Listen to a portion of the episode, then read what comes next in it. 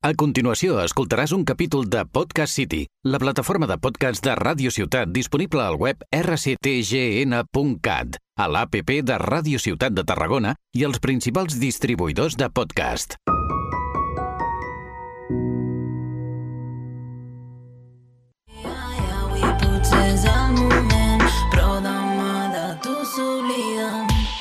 Créixer confiant en el demà, però en el demà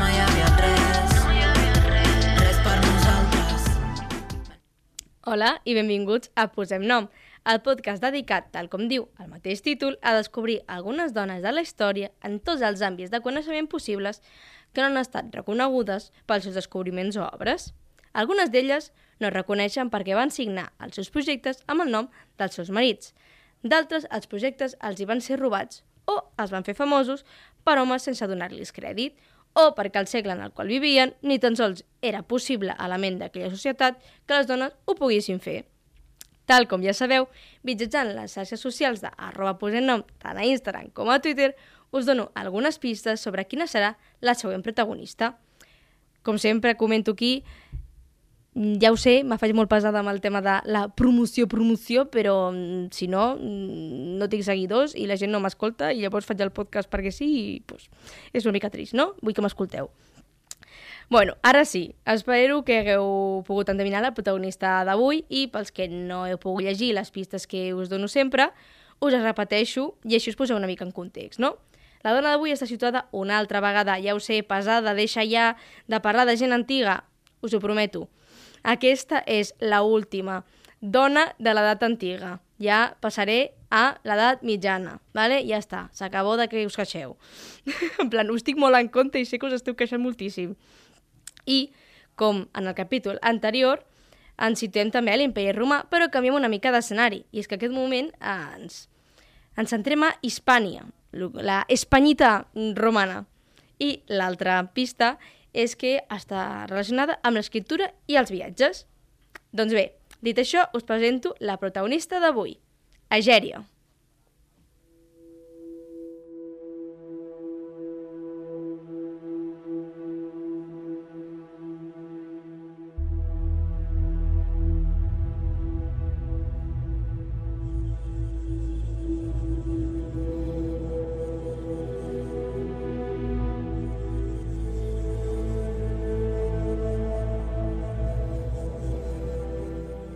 Nascuda al segle IV a la regió de Galaica, a la província romana d'Hispània, o sigui, Galícia actualment, eh, i amb data i lloc de defunció desconegut, Egèria va ser una escriptora i viatgera que va relatar el seu peregrinatge fins a Terra Santa i a diferents llocs bíblics i monàstics de l'Orient cristianitzat entre els anys 381 i 384. Doncs bé, us preguntareu per què vinc a parlar d'ella, no? Doncs aquesta vegada és perquè vull reivindicar la figura de les escriptores en llatí, i a més a més aventureres, ja que fer un extens viatge en el qual va recórrer tota Terra Santa i això ho va documentar. Egèria, però, no és la primera, simplement la més famosa, perquè va estar doncs, a més llocs, però no ens podem oblidar, i aquí us donaré uns quants noms per que així potser doncs, us interessa investigar a totes aquestes dones que no he tingut temps de parlar-ne perquè doncs, he parlat de Gèria, que és la que ho va documentar més clarament, i són Pamènia, que va viatjar a Egipte i a Jerusalem al 394. Fabiola, que entre el 90, 394 i el 395 va viatjar a Jerusalem i a Betlem. La romana Paula, que un cop es va quedar vídua, al 385 va peregrinar a Terra Santa amb la seva filla, Eustoqui, i es va quedar a viure a Betlem, on va morir. La també romana Melània la Vella, que també, un altre cop, ja viuda, es va retirar a viure a Jerusalem, on va morir. I, un any abans, cap al 378, va construir un monestir a la muntanya de les Oliveres. I la seva neta, Melània la jove, aquí amb els noms majos, hi va peregrinar uns anys després.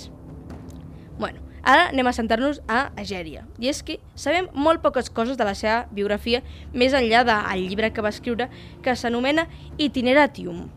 Aquesta obra va ser descoberta el 1884 per Gianfrancesco Gamurrini, un italià, a la biblioteca de la Fraternità dell'Assi, a la ciutat d'Arezzo, a la Toscana, a Itàlia. Aquí el meu in intent de semblar italiana i pronunciar les coses amb algun tipus de sentit, no? I forma part del que es diu el Còdex Aretinus 405, un, doncs, un recull d'escrits. I és que aquest còdex està a mig camí entre la narració i la carta i, a més a més, té una gran importància perquè fa accessible el coneixement de els peregrinatges als llocs sants i és doncs, una panoràmica de la geografia de la Bíblia, no? vull dir, posant en, en situació els llocs reals on se suposa que van passar les coses i, a més a més, doncs, la litúrgia i la vida cristiana doncs, de l'època d'un imperi romà mm, tardà, no? Tot i que el llibre està incomplet, és una de les fonts més valuoses per conèixer el paper de la dona al final de l'imperi romà, l'espiritualitat de l'època o la transició del llatí culte, no? el que podem trobar escrit en les inscripcions de doncs, el Coliseu o plaques funeràries, no? Ah, el vulgar, no? El que es parlava cada dia entre els romans, no? I que posteriorment donaria lloc a les llengües romàniques, doncs el català, el castellà, el mateix l'italià, el francès, i perquè, clar, el, el llibre com a tal està escrit en llatí tardà, que és com un llatí vulgar, una miqueta menys rigorós, no? Que és curiós, no?, que un text que en teoria doncs, és com, no sé, narratiu, que hauria d'estar escrit com amb una lletra més professional, doncs està escrit amb el llatí de, de cada dia perquè la gent l'entengués, no?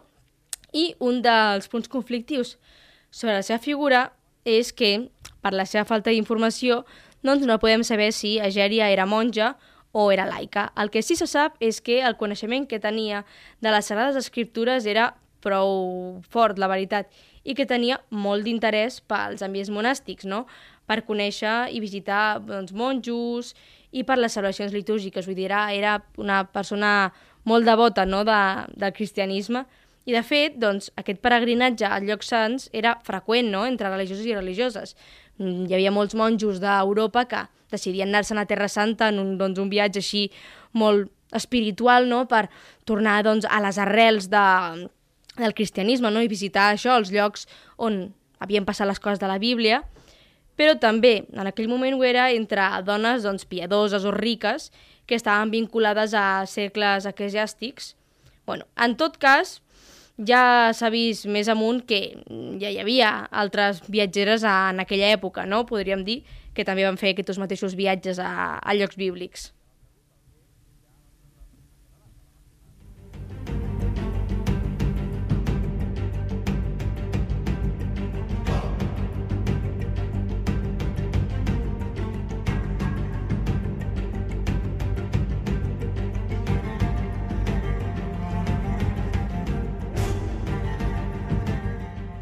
Entrant ara ja en matèria, a on va estar Agèria, no? Anem a parlar realment de, de com va ser el viatge, de quins llocs concrets és on va estar, no? Hem parlat una mica així en general, però anem a parlar ara dels llocs concrets. I és que el seu relat comença ascendint al Sinaí, sí, la famosa muntanya entre Egipte i Israel, no? Però, clar, hem de recordar que falta el començament i el final de, de la història, però, llavors, clar, començant d'aquí ens podem imaginar com Agèria va arribar fins al, fins al món del Sinaí, no? I és que, pel que sembla, doncs, hauria sortit des d'algun punt de mm, Galícia i seguint la via Domítia, que és la que actualment doncs, calquen les carreteres actuals, que és la P7 d'Espanya i la A9 de França, passen per Tàrraco. Eh, aquí, Tarragona, anem a fer aquí la importància, no? Passant per la capital d'Hispània doncs, i creuant el riu Roine doncs, pel sud de la Gàlia, de la França d'aquell moment, no? Va arribar fins al nord d'Itàlia, on va agafar un vaixellet que va creuar tot el mar Adriàtic fins a arribar a Constantinoble, l'actual Istanbul.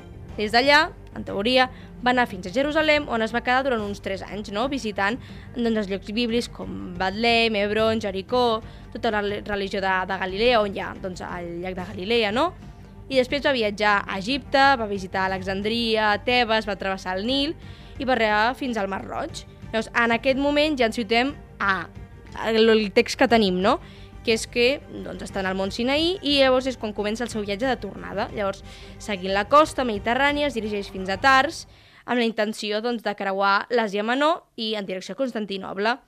Però, quan està a Antioquia, que és una ciutat que hi ha per allà, doncs, li van entrar ganes de, de visitar Adesa i doncs, es va esperar una mica i va dir, bueno, doncs, encara no torno cap a casa i es van dinciar a Síria i a Mesopotàmia. Llavors, un cop mm, ja va veure tota aquella zona que li interessava, va tornar una altra vegada a Tars i per Galàcia i Bitínia doncs, va arribar a Constantinoble, des d'on va escriure la seva última carta, que es conserva, i és que diu que intentaria tornar a la seva terra si tenia forces. Després d'això, però, ja no sabem res més d'ella. Els historiadors pensen que doncs, mai va aconseguir tornar a casa i per això doncs, no se sap ni el lloc ni la data de defunció. Doncs bé, ara us preguntareu com podia doncs, una dona fer, fer això, no?, en l'època que era. Vull dir, si ara hi ha tants problemes per viatjar, imagina't en, en aquell moment. Doncs bé, els historiadors creuen que doncs, era una dona que tenia una molt bona posició social no? per poder afrontar una empresa tan gran com atravessar-se mig món, no? I que fins i tot podria ser parent de l'emperador Taurosi. Totes aquestes hipòtesis, però, surten d'informacions de que va comptar amb una escorta militar romana en alguns dels territoris que va travessar i que va estar allotjada amb bisbes i autoritats en les ciutats que va visitar. Vull dir, no era, no era una pobra del carrer, ja t'ho dic jo. Tot i haver pres el viatge amb diners i protecció, està clar que una dona del segle IV que decidia recórrer doncs, una gran part del món llavors conegut i endinsar-se en aquests perillosos camins, doncs no era una dona qualsevol, no? Aventurera, agosarada i valenta i curiosa són alguns dels adjectius que almenys jo podria comentar que se li poden atribuir a, a Gèria, no? Com sempre, als meus programes m'agrada doncs, denunciar les parts negatives no? que envolten les figures de les que parlo. I en aquest cas és l'obret de la seva persona, no? ja que Gèria va romandre oculta durant uns quants segles. Tal com he explicat abans, el 1884, un arqueòleg va trobar a Arezzo un còdex en un pergamí d'uns 330... No, 300 no, uns 37 folis, tampoc no és que sigui un gran, un gran text, no? on no s'identificava doncs, l'autor, no? Gamurrini, tal com he comentat abans, eh, va atribuir aquell text a Santa Sílvia d'Aquitània, que també era una persona que havia estat als llocs sants poc temps després de, de. Però, per desgràcia, doncs, Gèria, doncs, el problema d'aquesta identificació errònia va fer que Gèria s'hagués d'esperar una miqueta per poder doncs, despertar de l'oblit i mm, sortir a la història, no? I no va ser fins al 1903, gràcies a Mario Ferotin, eh, qui en un estudi publicat a la revista Qüestions Històriques va atribuir, per fi, aquests textos a la seva veritable autora, gràcies a una referència a la seva persona i a la seva aventura en una carta enviada a Sant Valeri i als monjos i monges del monestir de Bierzo a Galícia. Per tant, això és com una teoria que reforça que realment doncs, era de Galícia o tenia contactes amb gent de Galícia a la Hispània, no? bueno, en resum, que Ageri és considerada com la primera dona escriptora d'Espanya de, i la primera peregrina que va retar els seus viatges en un diari. Sense ella, saber-ho va escriure el primer llibre de viatges de la història, no? Però bueno, aquí és un lo guai, no? Vull dir, tanquem ja el capítol de Gèria per avui i procedim a donar algunes pistes de la protagonista del pròxim programa. I és que aquesta està situada a l'edat mitjana, però aquesta, aquí és la, una de les pistes, i és que té una mica de trampa, perquè és mitja edat antiga, mitja edat mitjana. Ja entendreu per què més endavant, no? I que es tracta d'una reina. Bé, per acabar, com sempre, tal com ja sabeu, mitjançant les xarxes socials d'arroba posem nom, tant a Instagram com a Twitter, us recordaré les pistes abans de publicar el següent capítol. Espero que us hagueu passat bé, que hagueu après moltes coses noves i ens veiem en el pròxim programa. Adeu! De tu s'oblida. Em créixer confiant en el demà, però en el demà no hi havia res. Res per nosaltres. Escoltat un capítol de Podcast City, la plataforma de podcast de Ràdio Ciutat disponible al web rctgn.cat, a l'APP de Ràdio Ciutat de Tarragona i els principals distribuïdors de podcast.